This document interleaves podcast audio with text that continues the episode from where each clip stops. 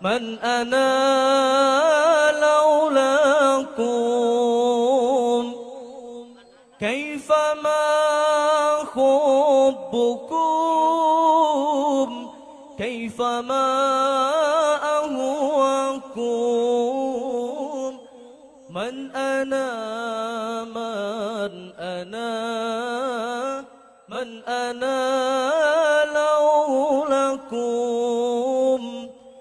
كيفما حبكم؟ كيفما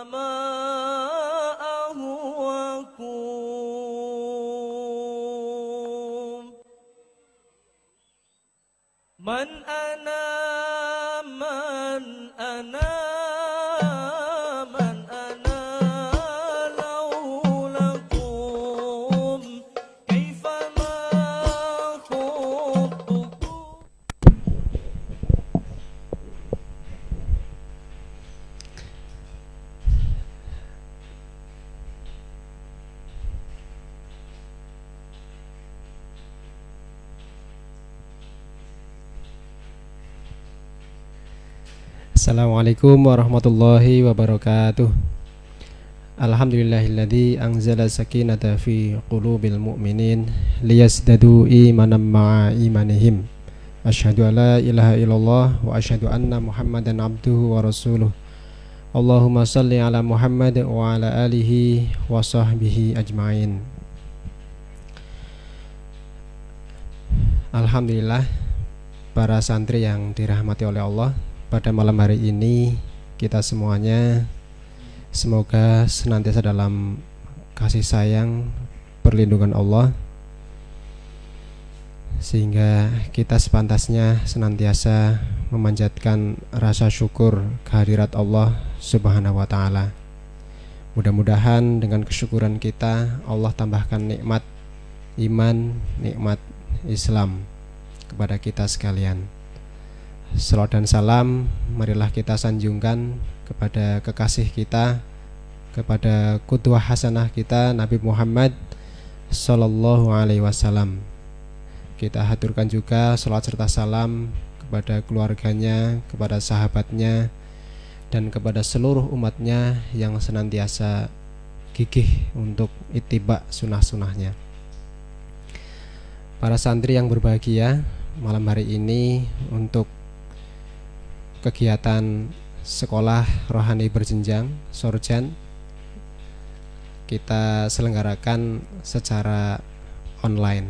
Sehingga para santri sekalian yang pada malam hari ini menyimak dari rumah masing-masing kami doakan semoga Allah tambahkan ilmu dan berkah dari kegiatan kita pada malam hari ini.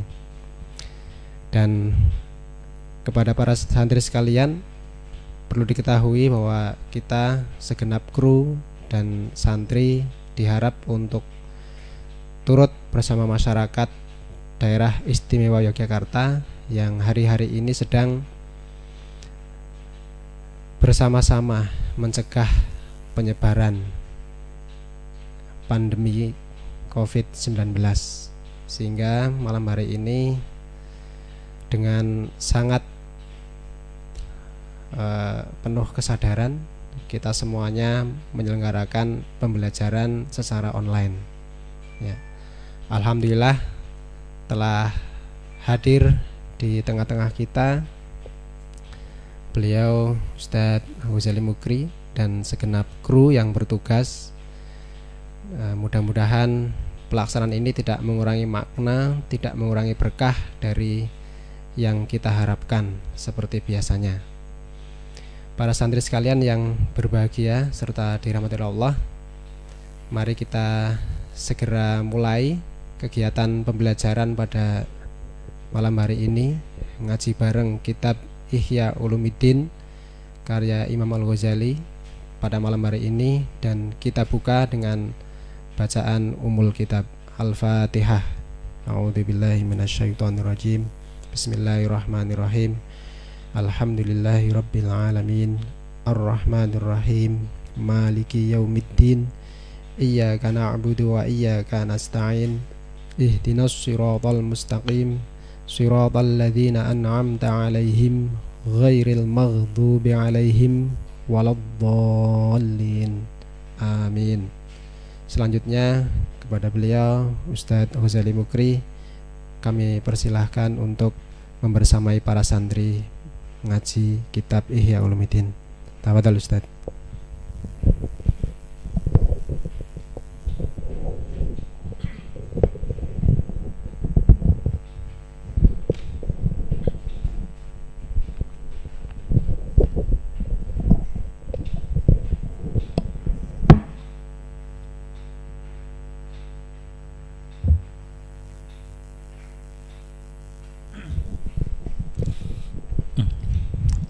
Assalamualaikum warahmatullahi wabarakatuh. Alhamdulillah wassalatu wassalamu ala rasulullah amma ba'd. Santriwan yang kami hormati Alhamdulillah pada malam hari ini kita kembali bersumpah. Walaupun pada malam hari ini kita persumpahan kita tidak tatap muka langsung karena kita tetap mematuhi aturan yang ada di daerah kita bahwa saat ini sedang ramai-ramainya tersebarnya virus corona. Karenanya untuk mencegah penyebaran itu maka dikurangi pertemuan kita secara face to face. Nah pada malam hari ini kita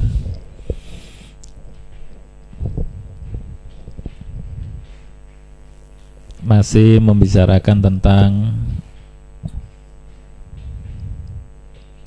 risalah kebahagiaan dua pekan yang lalu sudah kita sampaikan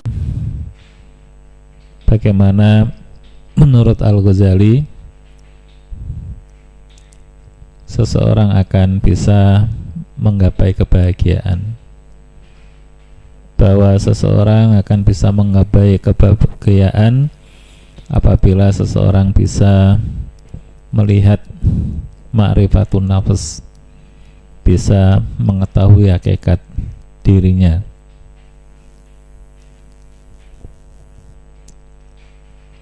Karena apabila seseorang kata Al-Ghazali tidak bisa melihat hakikat dirinya sendiri, bagaimana orang itu akan bisa ma'rifatullah melihat Allah Subhanahu wa taala, mengenal Allah Subhanahu wa taala dan kalau orang itu tidak bisa mengenal Allah Subhanahu wa taala bagaimana orang itu akan bisa meraih kebahagiaan? Karena sebelum seseorang itu mendapatkan atau merasakan kebahagiaan maka langkah yang harus dilakukan oleh seseorang itu adalah mengetahui dirinya.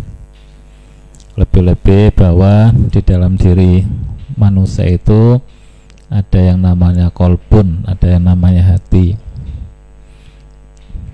Dan yang dimaksud hati oleh Al-Ghazali itu bukan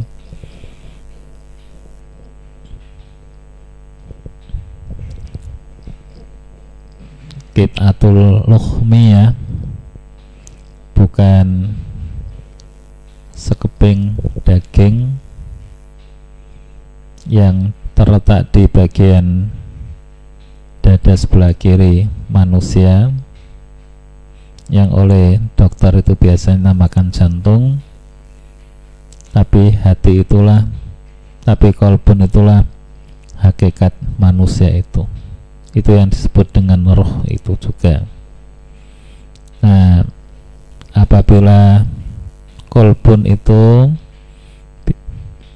benar-benar berfungsi sebagaimana mestinya dia sebagai raja dan yang lain sebagai prajuritnya maka di situlah nanti manusia itu akan bisa mendapatkan kebahagiaan.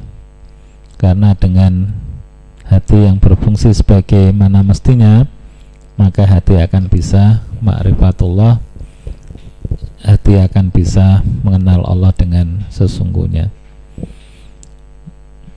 Nah, begitu juga manusia akan juga bahagia kapan apabila manusia ma'rifatud dunia. Kata Al-Ghazali, apabila manusia itu mengenal hakikat dunia. Nah, kata Al-Ghazali, fa inna dunya aduwatun lillah wa aduwatun li ilah wa aduwatun li jadi kata Ghazali itu dunia itu musuh Allah Subhanahu wa taala. Dunia itu musuh wali-wali Allah dan juga dunia itu merupakan musuh bagi musuh-musuh Allah Subhanahu wa taala. Dunia dikatakan musuh Allah, kenapa? Kata Al-Ghazali, karena dunia itu telah menghalangi hamba-hamba Allah untuk bisa mencapai kepada Allah Subhanahu wa taala. Jadi yang menghambat manusia itu bisa sampai kepada Allah Subhanahu wa taala dan dengan manusia itu bisa sampai kepada Allah Subhanahu wa taala maka manusia akan menemukan kebahagiaan itu dihambat oleh yang namanya dunia ini. Karena wajar kalau Al-Ghazali menyebut bahwa dunia itu merupakan musuh Allah Subhanahu wa taala. Karena dengan adanya dunia itu manusia bisa terhalang tidak sampai menuju kepada Allah Subhanahu wa taala. Yang kedua dikatakan walidzalika la yamdurullah ilahya inda khalqiha. Karenanya pada saat Allah menciptakan dunia itu Allah nggak mau melihat dunia itu. Karena dunia itu dianggap oleh Allah sebagai penghalang tercapainya manusia kepada Allah Subhanahu wa taala. Kenapa dunia itu oleh Al-Ghazali juga dinamakan musuh bebuyutannya wali-wali Allah? Kata Al-Ghazali, karena dunia telah memoles ya, telah mentazin menampilkan keindahan-keindahannya kepada wali-wali Allah itu sehingga yang muncul di permukaan adalah hal-hal yang indah, hal-hal yang menggiurkan. Yang itu menyebabkan wali-wali Allah itu harus berjuang semaksimal mungkin untuk bisa menaklukkan dunia itu. Wali-wali Allah itu harus banyak sabarnya untuk tidak tergiur dan terlena dengan keindahan dunia itu. Karenanya maka dunia itu menurut Al-Ghazali adalah musuh bagi wali-wali Allah. Karena mereka selalu di azin ya. Diiming-imingi dengan barang-barang yang menggiurkan. Diiming-imingi jabatan. Diiming-imingi kedudukan posisi. Diiming-imingi harta. Seperti dulu Nabi juga pada saat awal-awal melakukan dakwah di tengah-tengah masyarakat Arab Nabi juga harus berjuang untuk tidak begitu saja menerima tawaran yang menggiurkan yang ditawarkan kepada beliau. Apa tawaran yang orang-orang kafir Quraisy ya, sampaikan pada Nabi, wahai Muhammad, kalau tujuanmu berdakwah itu adalah untuk mencari harta, deh kamu minta harta berapa? Akan saya akan kami kasih. Kalau tujuanmu kamu berdakwah itu untuk mencari kedudukan dan posisi ya, di tengah-tengah masyarakat dia kamu minta kedudukan posisi apa kami kasih kalau tujuanmu Muhammad berdakwah itu adalah untuk mendapatkan wanita yang cantik deh kamu pilih. Wanita Arab ini yang paling cantik yang paling kamu sukai.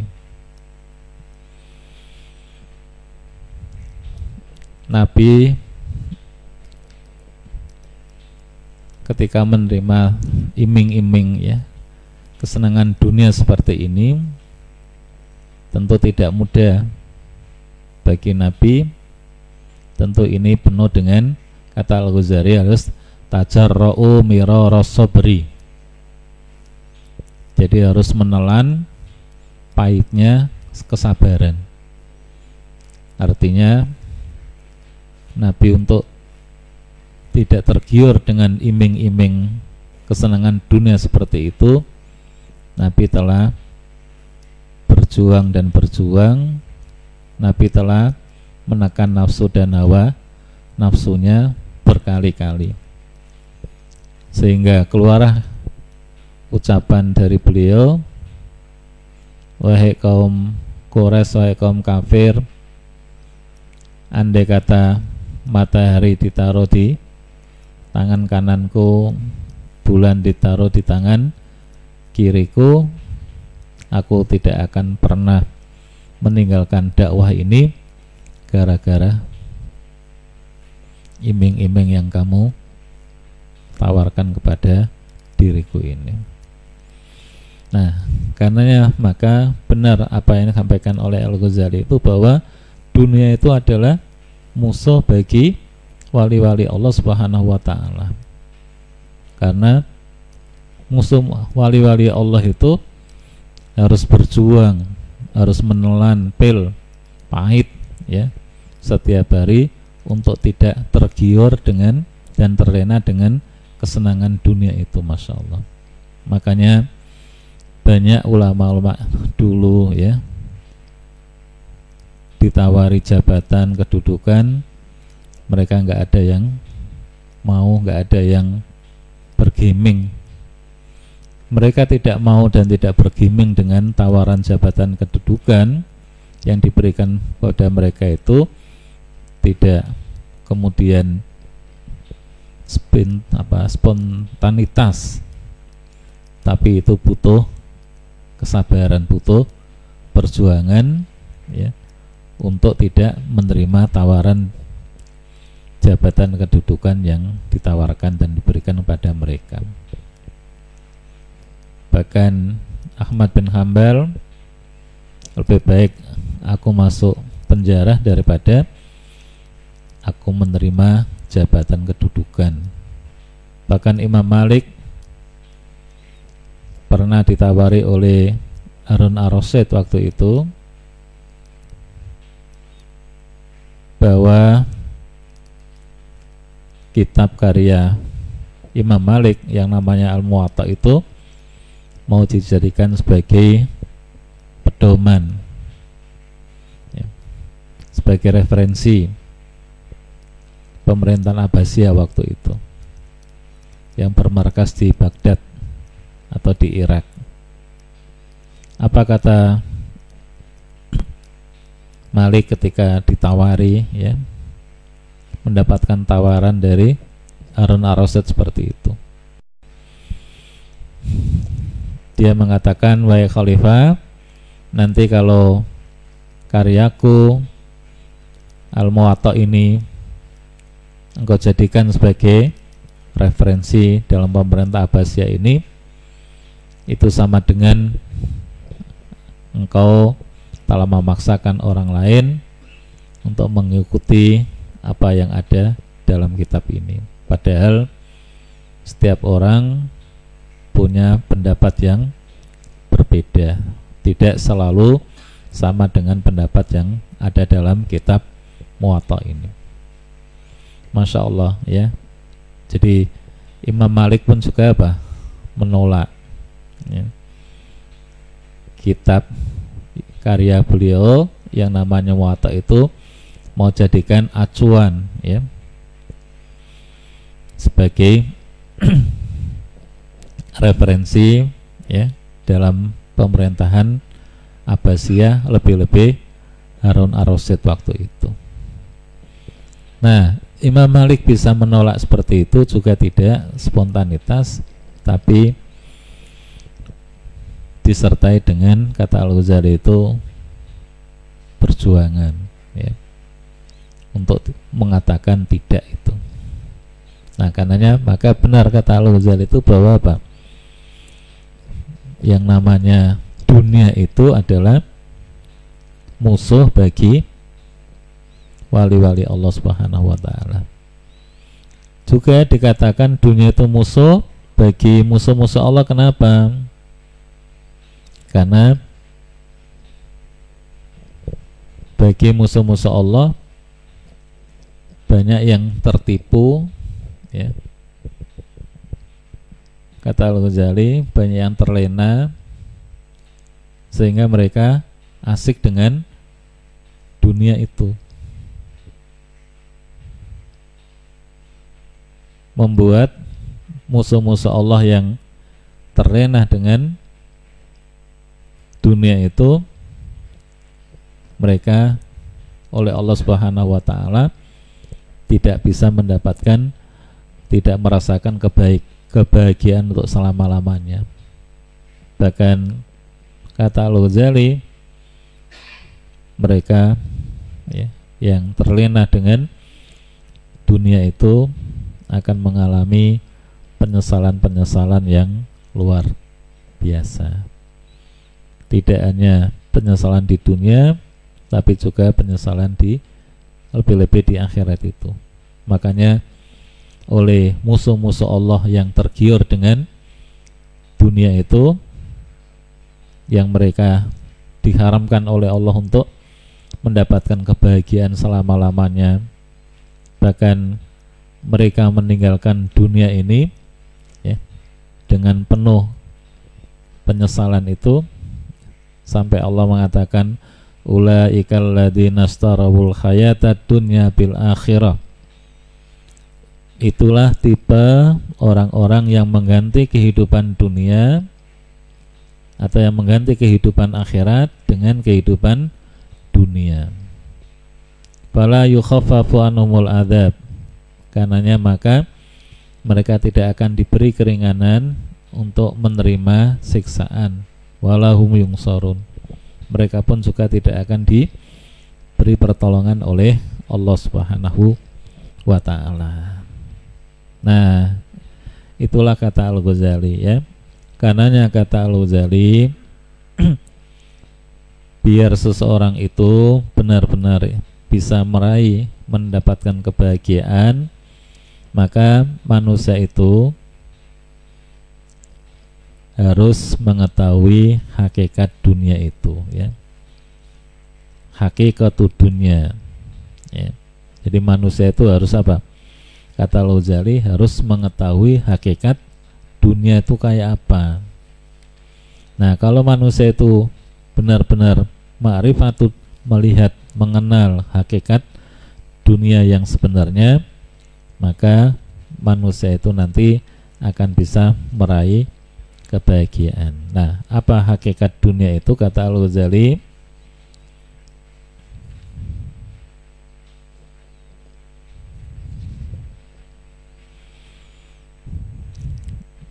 Apa hakikat dunia itu?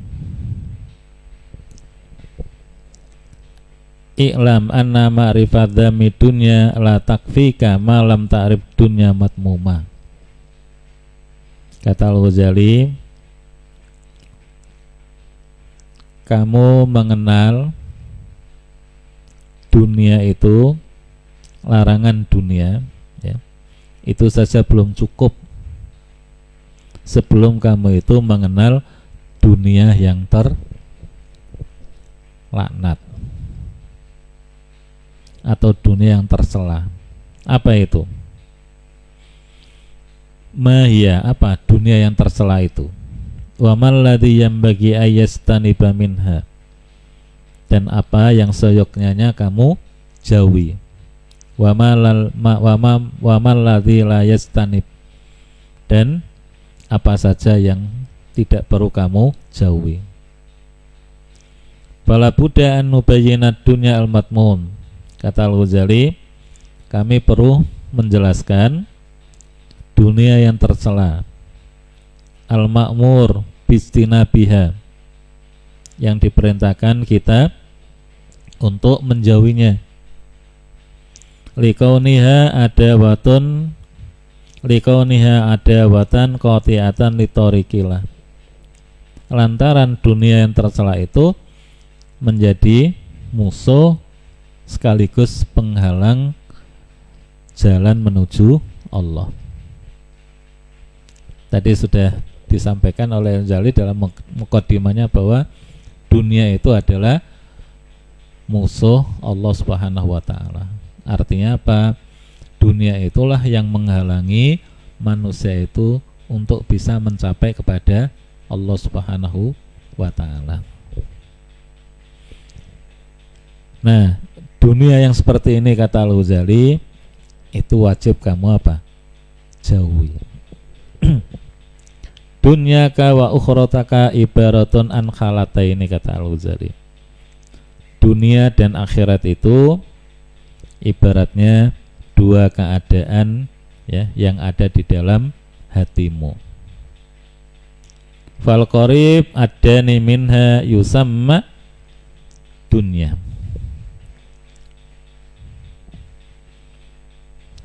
Yang dekat dan yang hina darinya dari dua keadaan itu itulah yang dinamakan dengan dunia. Wa huwa kullu ma qablal maut. Jadi yang dinamakan dunia itu adalah keadaan sebelum manusia itu meninggal. Seperti kita sekarang ini. Wal muta'ah wa mutarakhi al mutaakhir yusamal ukhra. Sedangkan keadaan yang terakhir apa keadaan terakhir? Wa wa ma ba'dal maut yaitu keadaan sesudah kematian itulah yang dinamakan dengan akhirat. Jadi dunia itu adalah kondisi sebelum atau alam sebelum manusia itu meninggal. Akhirat itu adalah kondisi atau alam sesudah manusia itu meninggal. Fakullu ma laka fihi khadun wa nasibun wa ghurtun wa syahwatun. Setiap kamu di dunia ini kamu pasti punya bagian, punya tujuan, punya keinginan, ya. Punya kesenangan yang sifatnya sesaat. Yang kesenangan itu kamu rasakan, kamu dapatkan sebelum kamu meninggal. Nah, itulah keadaan namanya apa? Dunia. Ila anna jami'a malaka ilahi mailun wa fihi nasibun wa khotun falaysa bimatmun. Hanya saja semua apa yang kamu dapatkan ya. Itu memang tidak dilarang. Tapi apa yang kamu dapatkan ya dari dunia itu terbagi menjadi tiga bagian kata Al-Ghazali. Yang pertama apa? Ma yusakhibuka fil akhirah. Bagian yang nanti akan menemani kamu di akhirat. Watabqa ma'aka samaratuhu ba'dal maut. Dan hasilnya itu akan melekat kepada dirimu setelah kamu apa? meninggal. Dalam hal ini kata Al-Ghazali wa ini ada dua. Jadi kata Al-Ghazali itu ya, bahwa kita di dunia ini ya, itu pasti akan mendapatkan bagian dari dunia ini yang bagian itu dibagi menjadi tiga kata Luzali. Yang pertama adalah bagian yang nanti akan menemani kamu setelah kamu akan setelah kamu meninggal.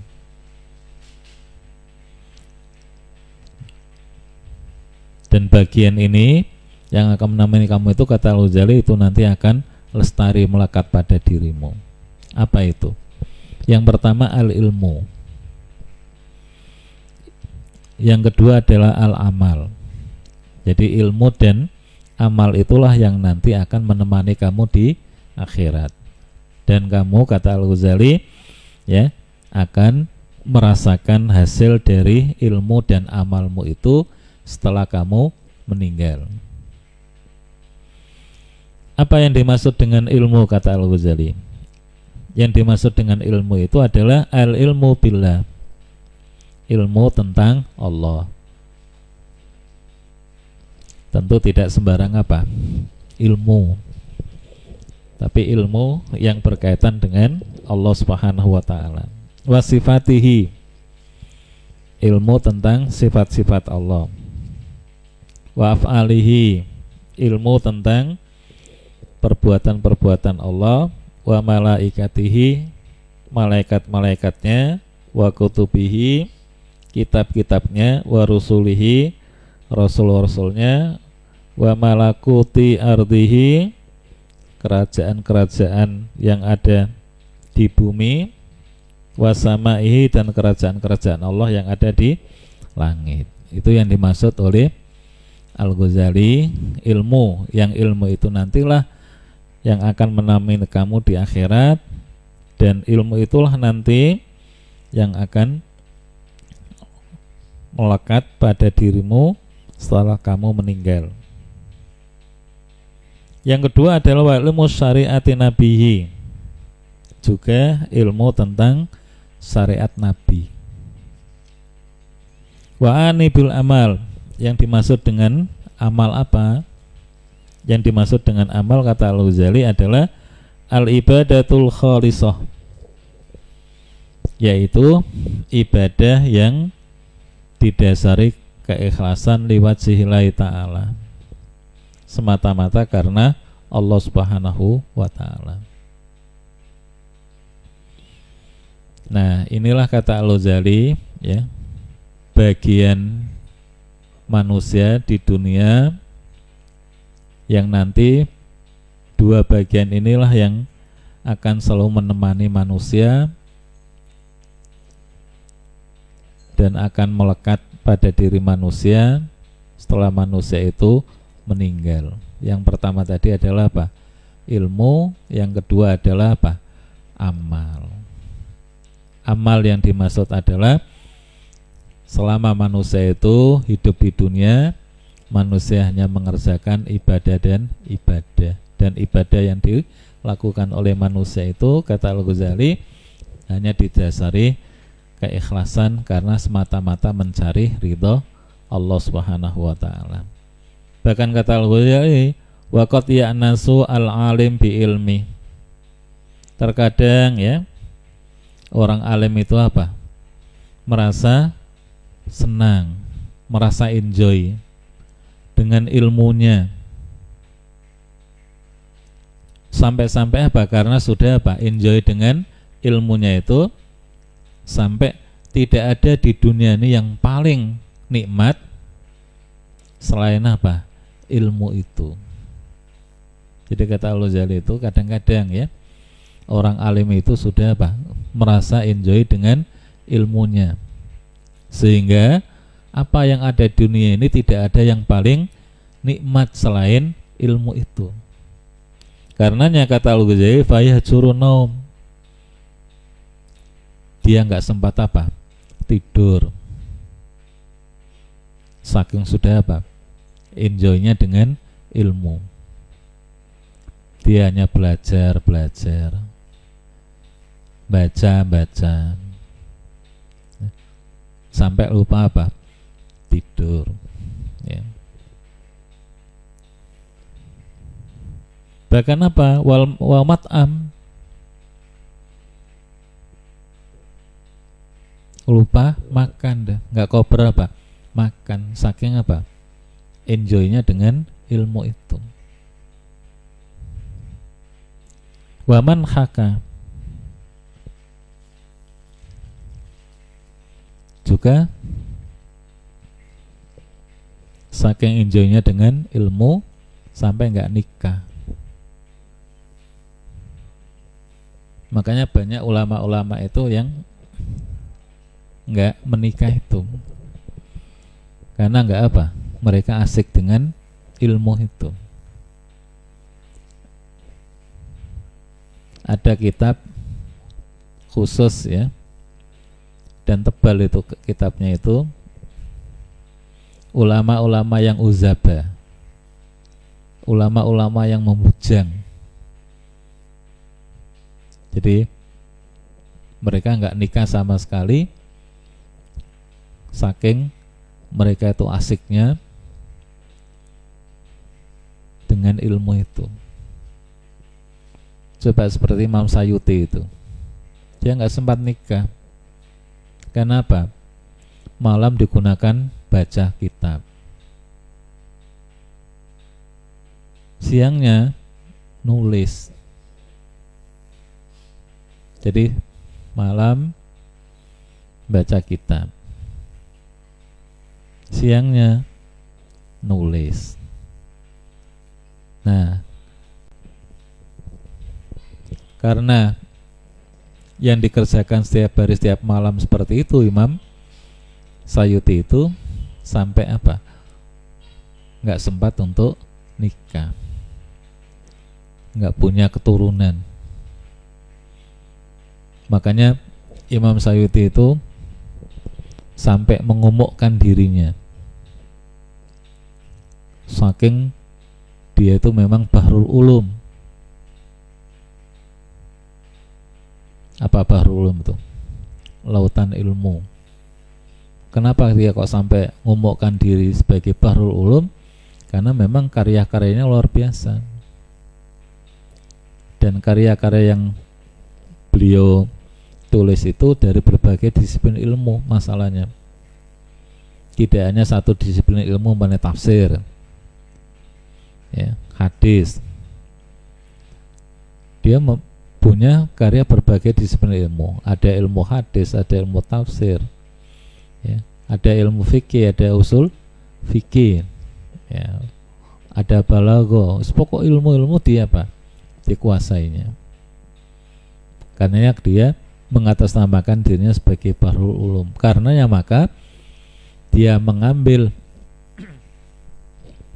hadis Nabi itu bahwa setiap 100 tahun itu pasti ada datang seorang mujadid pembaru.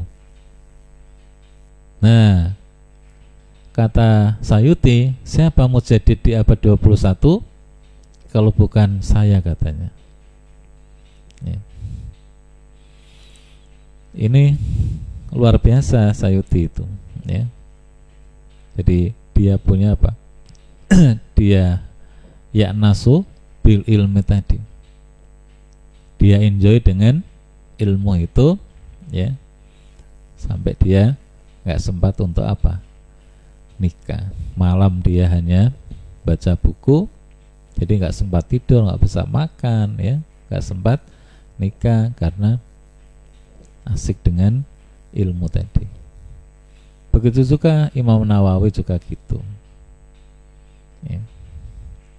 Imam Nawawi itu juga sama dengan Imam Sayuti itu karya-karyanya masya Allah seambrek. Ya. Dia memang apa kutub buku ya. Jadi suka baca. Dan apa yang dibaca itu kemudian dia tulis. Karenanya maka karya-karya Imam Nawawi juga apa? Banyak. Nah jadi kalau kata, benar kata Uzali kalau wayak nasu al alim bil ilmi. Jadi orang alim itu orang berilmu itu kadang-kadang enjoy dengan apa? Ilmunya. Hatta yasira dzalika aladzal asya indahu. Sampai akhirnya apa? Wis apa aja yang ada di muka bumi ini nggak ada yang paling nikmat menurutnya selain ilmu itu sampai apa? Fayah jeru nahum sampai nggak kober apa? Nggak sempat tidur nggak sempat matam. Kuliner itu apalagi nggak? Ya. nikah aja nggak apa? Sempat. Karena nggak banyak keturunan. Jadi ada 30 lebih ya. Ulama-ulama kita ini yang nggak sempat apa? Menikah karena enjoy dengan ilmu itu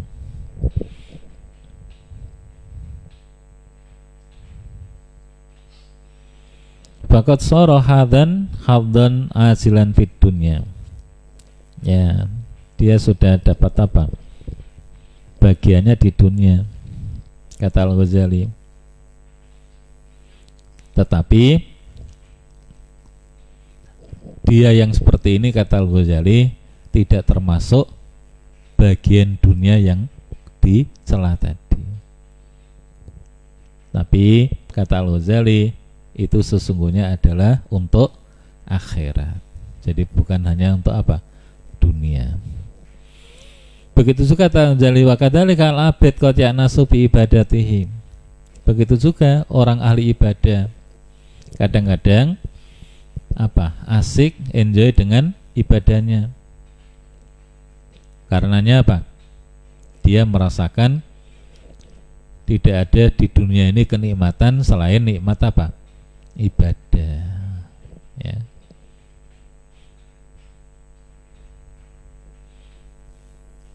Bahkan andai kata kata Al Ghazali orang yang sudah apa merasakan nikmatnya ibadah itu kok dilarang? Ya seperti sekarang mana ya. Orang sudah merasakan apa? Nikmatnya ibadah di masjid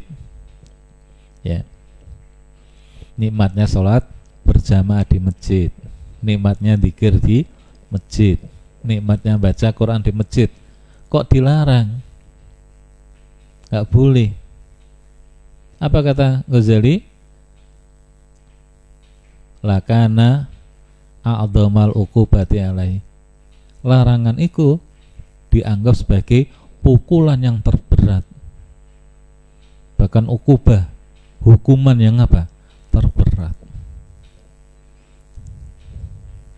Karena apa dia telah mengurangi keledatan orang itu dalam mengerjakan ibadah. Ibaratnya kita kayak seneng-senengnya makan mana ya. Tiba-tiba di tengah jalan apa makanan itu dirampas semua nggak boleh diteruskan makannya tadi.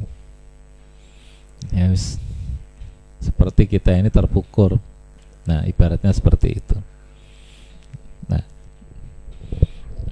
Makanya coba kalau dalam kondisi seperti ini orang Arab banyak apa? Banyak ini. Menulis yang indah-indah.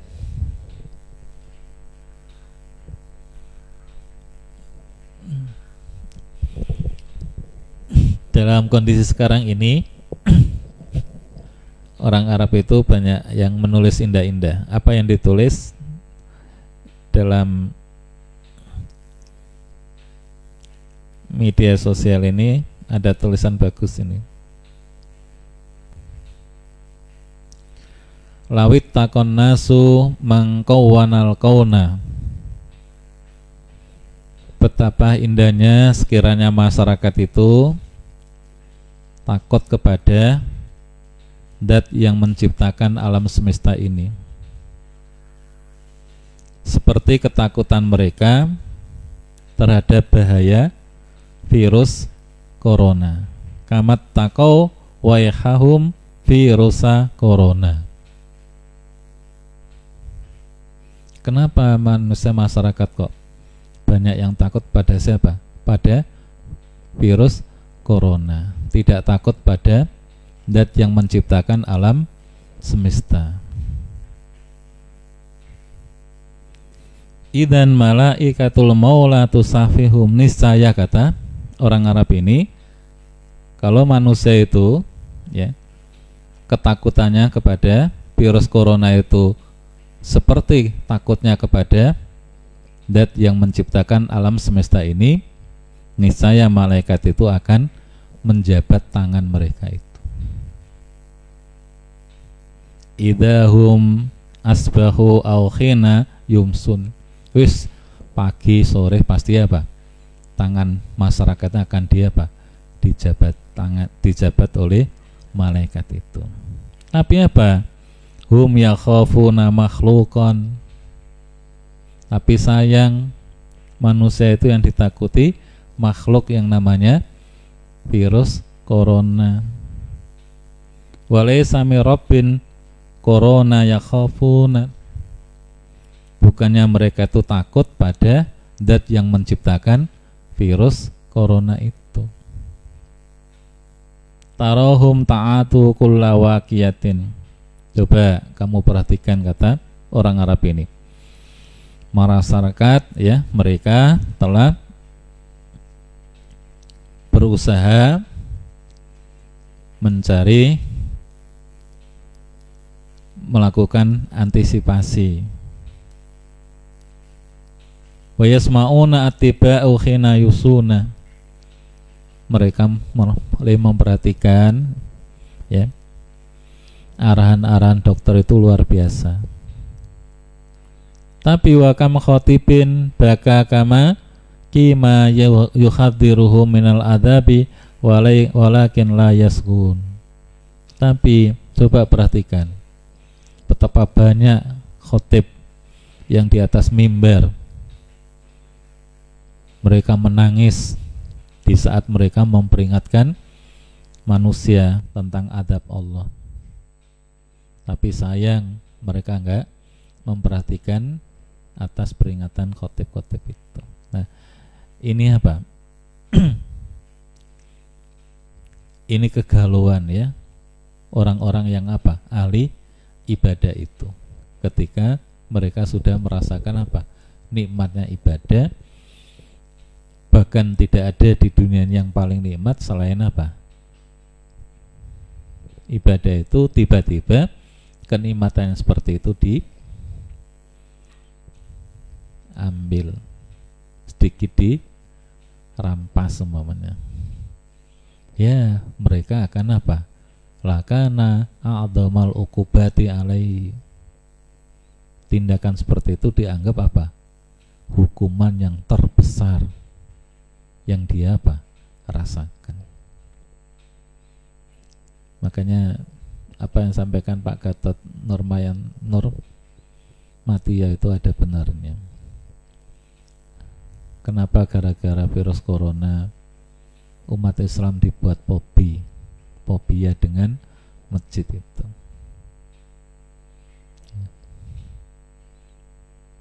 Masjid harus dikosongi jamaah dikurangi bahkan sholat Jumat juga.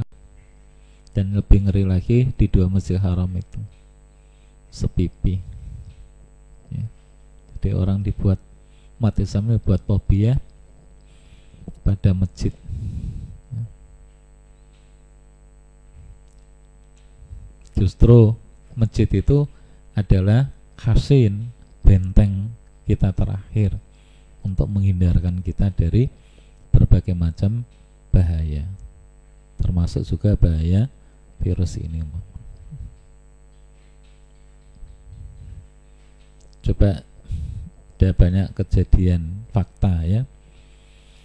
Ketika ada tsunami ada banjir ternyata rumah Allah ya masjid enggak hancur dengan tsunami.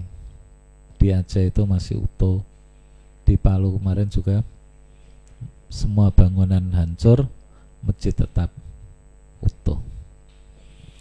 Nah inilah apa itu? Benar kata Al-Ghazali itu kadang-kadang ya orang kalau sudah ahli ibadah itu ahli ibadah itu ya mereka merasa, sudah merasa apa? Enjoy dengan ibadah tersebut karenanya dia sudah merasa apa? Nikmat. Tidak ada kenikmatan ya di dunia ini selain nikmat ibadah. Karenanya andai kata dia dihalangi dari beribadah itu lakana a'dhamal ukubati alaihim. Niscaya dia akan merasakan itu sebagai hukuman yang terberat a'dham ya. Hatta qala ba'tuhum ma akhafu minal maut. Coba. Bahkan sampai ada sebagian ahli ibadah itu yang mengatakan ma akhafu minal maut. Aku nggak takut mati illa min haitsu yakhulu baini wa baina qiyam milail. Yang paling aku takuti itu kalau saya dihalangi untuk ngerjakan sholat malam, Mas coba. Kenapa? Dia sudah merasakan nikmatnya sholat malam. Tiba-tiba nggak boleh oh, sholat apa? Malam. Itu yang paling ditakuti oleh orang yang ahli apa? Orang yang sudah enjoy dengan ibadahnya tadi. Dan ini kita ya belum sampai pada tingkat apa? Seperti itu. Maka kadang masyarakat diimbau nggak oleh ke masjid malah senang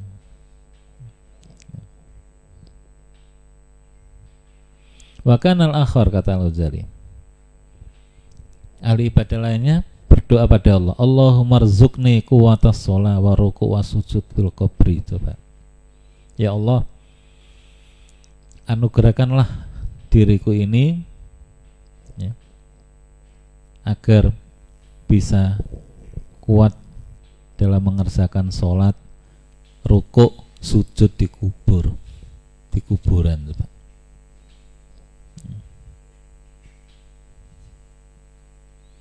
ini karena apa? Orang sudah ya merasa enjoy dengan yang namanya ibadah itu.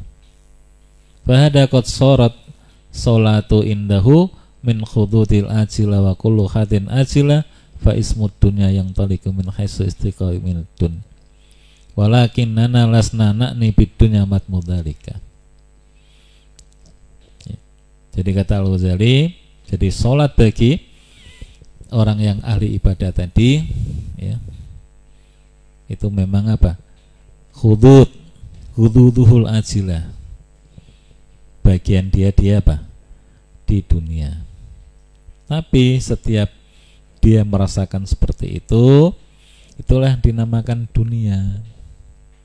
Tapi dunia yang dimaksud kata Al-Ghazali itu bukan dunia yang tercela. Tetapi itu dunia yang apa? Yang baik. Karena Nabi sendiri apa? Hubiba ilayya min dunyakum salasa. Jadi Nabi itu kata Nabi, aku itu ya punya tiga hobi dari duniamu itu. Apa hobi Nabi? Tiga hobi Nabi itu Anissa jadi Nabi itu punya hobi sayang dengan wanita. Yang kedua, Nabi itu punya hobi at-toyib. Memakai wangi-wangian. Makanya karena Nabi itu ya orang yang hobinya apa? Wangi-wangian, maka badan Nabi itu wangi terus. Sampai mungkin sudah pernah kita sampaikan dalam forum ini Nabi itu dengan keluarga Abu Tolha atau Ummu Sulaim itu dekat sekali. Saking dekatnya Nabi itu sering datang ke rumah Abu Tolha tersebut. Nah, Nabi datang itu ke rumah Abu Tolha itu biasanya sekitar jam 10 setengah 11 atau jam 11 gitu. Begitu Nabi itu datang ke rumah Abu Tolha Ummu Sulaim istri dari Abu Tolha itu ngerti pasti Nabi ke sini nih untuk tidur siang. Namanya tidur koilula. Tidur koilula itu tidur sema, se, apa satu jam sebelum waktu duhur. Dan dari tidur siang yang paling sehat itu adalah tidur koilula ini. Nah, begitu Ummu Sulaim dah ngerti kalau Nabi itu datang, apa yang dilakukan oleh Ummu Sulaim? Di bawah tempat tidur yang nanti akan ditempati oleh Nabi itu ditaruh baskom itu. Jadi ditaruh baskom di bawahnya itu. Nah, pada satu ketika Nabi tidur, menjelang mau duhur itu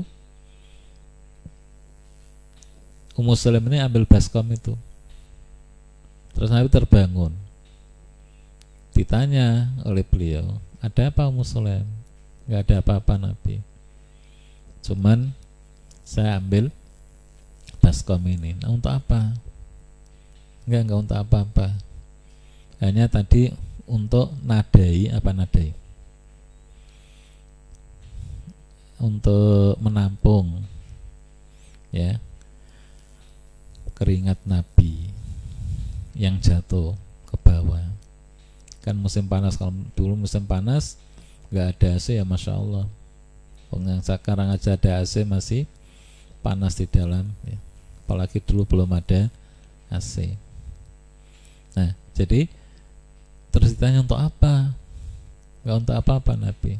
Hanya untuk campuran minyak wangi. Jadi keringat Nabi yang ditampung oleh Ummu Sulaim dalam baskom itu itu nanti digunakan oleh Nabi untuk campuran minyak eh digunakan Ummu Sulaim untuk campuran minyak wangi. Itu apa artinya? Artinya badan Nabi itu adalah wangi harum. Kenapa? Nabi punya kesukaan parfum atau wangi-wangian itu. Yang ketiga apa kesukaan Nabi atau hobi Nabi? Wa qurratu aini fi sholat. Jadi Nabi itu punya hobi sholat. Makanya Nabi pernah bilang kepada Bilal, Arihni bis sholat. Bilal, berilah aku kesempatan refreshing dengan mengerjakan apa? Sholat. Jadi sholatnya apa? Refreshing Nabi itu adalah dengan mengerjakan sholat beda dengan apa beda dengan kita ini ya kalau kita referensinya bukan sholat ya. tapi ke mana begitu ke pantai atau ke kuliner ya Jadi Nabi itu sudah? Bisa menjadikan sholat itu min jumlah timalati dunia. Jadi Nabi itu sudah bisa menjadikan sholat itu sebagai kenikmatan dunia itu.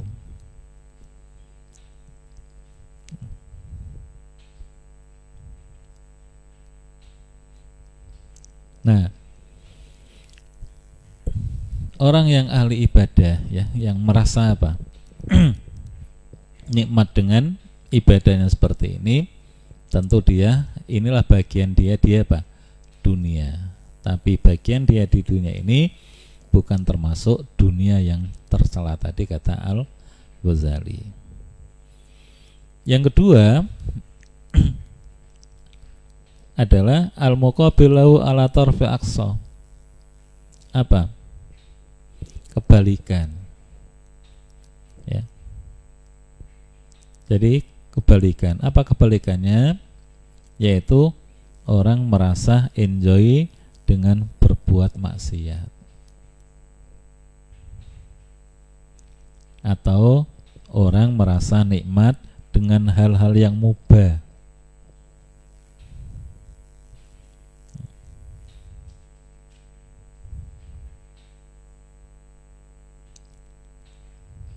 Nah, inilah macam dunia yang kedua itu ya. kata Al Ghazali macam dunia pertama tadi adalah amal dan ilmu. Yang kedua ini kebalikannya. Apa? Bukan amal dan ilmu tapi yaitu orang merasa nikmat dengan dosa, orang nikmat enjoy dengan maksiat, orang enjoy dengan dosa, orang merasa nikmat dengan hal-hal yang mubah. Nah, inilah kata Al-Ghazali, kalau orang sudah apa? merasakan enjoy dengan dosa, enjoy dengan kemaksiatan ya. Enjoy dengan melakukan pelanggaran-pelanggaran yang dilarang oleh Allah Subhanahu wa taala bahkan ya merasa nikmat dengan hal-hal yang mubah itulah bagian dia dunia tapi itulah dunia yang di larang itulah dunia yang tercela Ya. jadi dunia yang, yang tercela itu kata Al Ghazali kalau ya orang di dunia itu mengambil bagian dunianya digunakan untuk maksiat, digunakan untuk berbuat dosa, digunakan untuk menikmati hal-hal yang mubah yang itu kadang-kadang ala qadaril hajah yang tidak diperlukan. Umpamane kita ini berapa yang kita butuhkan untuk HP itu umpamanya. Oh satu. Tapi apa punya HP lebih dari satu. Padahal yang dibutuhkan cuman satu. Nah ini kata Al Ghazali berarti bagian dunia dia itu adalah dunia yang tercela. Kenapa? Menikmati sesuatu yang boleh mestinya tapi ala kodaril haja. Melebihi apa? Yang dibutuhkannya tadi. Nah, yang ketiga kata Al-Ghazali itu adalah apa? mutawasit yaitu tengah-tengah. Yo enggak apa? ibadah wae yo ora apa? maksiat tok. Yo ora kok enjoy dengan ilmu sampai lupa kepada nggak tidur, nggak makan, apalagi nggak punya keturunan istri, ya juga nggak jeglek. Hidup itu hanya tidur melulu, mamanya. hanya makan saja, hanya nikah saja umpamanya. Tapi kata Al-Ghazali, bagian dunia yang ketiga ini mutawasit ada di apa? Tengah-tengah. Nah, yang seperti ini kata Al-Ghazali itu dibutuhkan apa? Tiga sifat. Apa? Yang pertama kata Al-Ghazali sifaul qalb. Jadi perlu hatinya itu bersih. Akni toharatu minal adnas yang dimaksud dengan bersih hati itu adalah hati itu bersih dari semua kotoran. Wa ansahu. Yang dimaksud hati yang bersih di samping bersih dari kotoran kata Al-Ghazali hati itu merasa enjoy bidikrillah ta'ala. Merasa enjoy dengan dikir pada Allah. Yang dimaksud Ghazali sifaul qalb hati yang bersih itu adalah lillah hati yang hanya menaruh kecintaan kepada Allah Subhanahu wa taala. Nah, piye carane ben hati itu bersih kata Ul Ghazali wasifaul qalbi wa taharatu la yaksilani illa bil kahfi an syahwati dunya. Kata Al Ghazali, hati itu nggak akan bisa bersih, nggak akan bisa resik, ya, kecuali hati itu harus apa menahan diri dari menikmati syahwat-syahwat dunia. Begitu juga wal anas. Hati itu tidak akan merasa apa? Enjoy. Kecuali apa? Bikas roti dikrilah kecuali hati itu apa? Dikir pada banyak dikir pada Allah. Begitu. Wal muwadhafa alaihi wal hubbu la yaksul. Begitu juga hati itu tidak akan apa? Menaruh kecintaan kepada siapa? Allah ilal bil ma'rifah. Kecuali hati itu benar-benar ma'rifatullah. Ya. wala taksuru ma'rifatullah. Begitu juga hati itu nggak akan bisa ma'rifatullah illa bidawamil fikr kecuali hati itu sering apa? Berpikir merenung. Nah itulah kata Al Ghazali wa hadhihi sifatu salasa fil munjiyati al musaidati ba'dal maut. Itulah kata Al Ghazali ya. Atau tiga sifat tadi tiga hal tadi yang akan bisa menghantarkan seseorang itu mencapai kebahagiaan lebih-lebih sesudah apa? Mati. Nah karenanya kebahagiaan ya itu akan di bisa diraih oleh seseorang apabila orang itu kata Al Ghazali memiliki hati yang bersih. Ya. hatinya hati yang bersih itu apa maksudnya? Hati yang suci dari semua kotoran manusia akan bisa apa? Meraih kebahagiaan ya. Apabila hatinya itu sudah merasa enjoy dengan dikir pada Allah. Dan juga manusia itu akan bisa apa ini bahagia apabila hatinya itu sudah menaruh kecintaan hanya kepada Allah.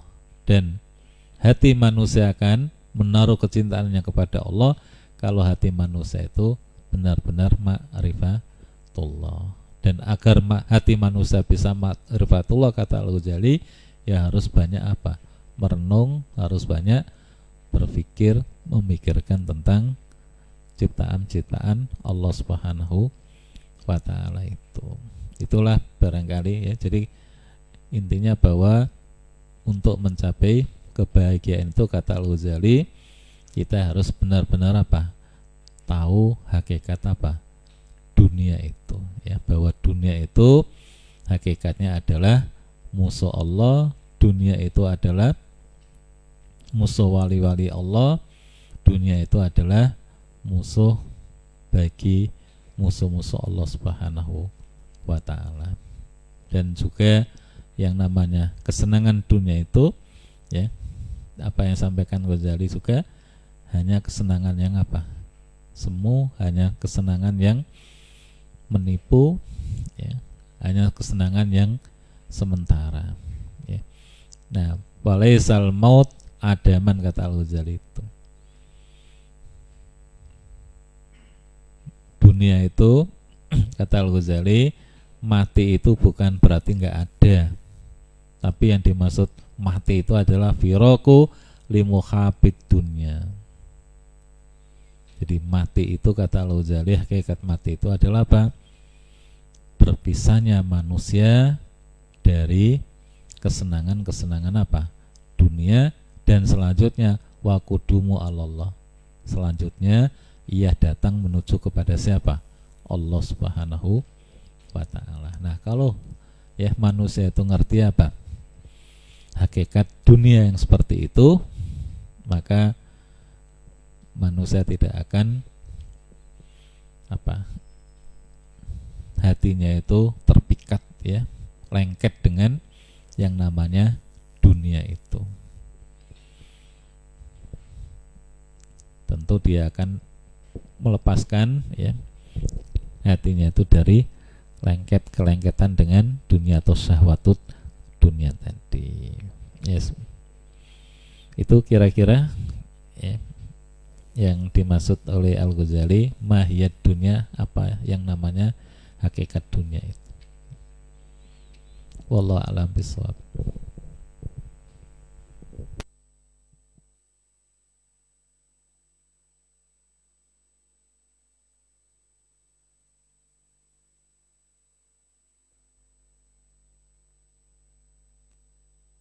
Tri yang dirahmati oleh Allah Demikian tadi ngaji kitab Ihya Ulumuddin bersama Ustadz Ghazali Mukri dengan tema mengenal dunia, ma'rifatut dunia. Semoga paparan materi tadi semakin mempertebal kekhusyuan kita, memperdalam keimanan kita yang sedang kita hinggapi ini. Para hadirin sekalian, bila ada pertanyaan uh, bisa disampaikan di komentar live streaming ya. Ada kolom komentar di bawah. Nanti insya Allah akan kita teruskan ke Ustadz bagi para santri juga yang sudah tergabung di grup santri Sorjan Official. Bisa melayangkan pertanyaan-pertanyaan seputar paparan materi pada malam hari ini di grup. Ya yang sementara ini sedang di lock hanya admin yang bisa komen nanti insya Allah setelah acara ini akan kita buka kembali. Demikian para santri sekalian sekali lagi semoga Allah semakin memperdalam kehusuan kita mempertebal keimanan kita di tengah kita mengarungi kehidupan di dunia ini. Kepada Ustadz Ghazali Mukri kami sampaikan jazakumullahu khairan kathiran. Dan mari kita tutup ngaji Ihya Ulumuddin pada malam hari ini dengan melafalkan doa kafaratul majlis bersama-sama. Subhanakallahumma wa bihamdika asyhadu alla ilaha illa anta astaghfiruka wa atubu ilaik. Assalamualaikum warahmatullahi wabarakatuh.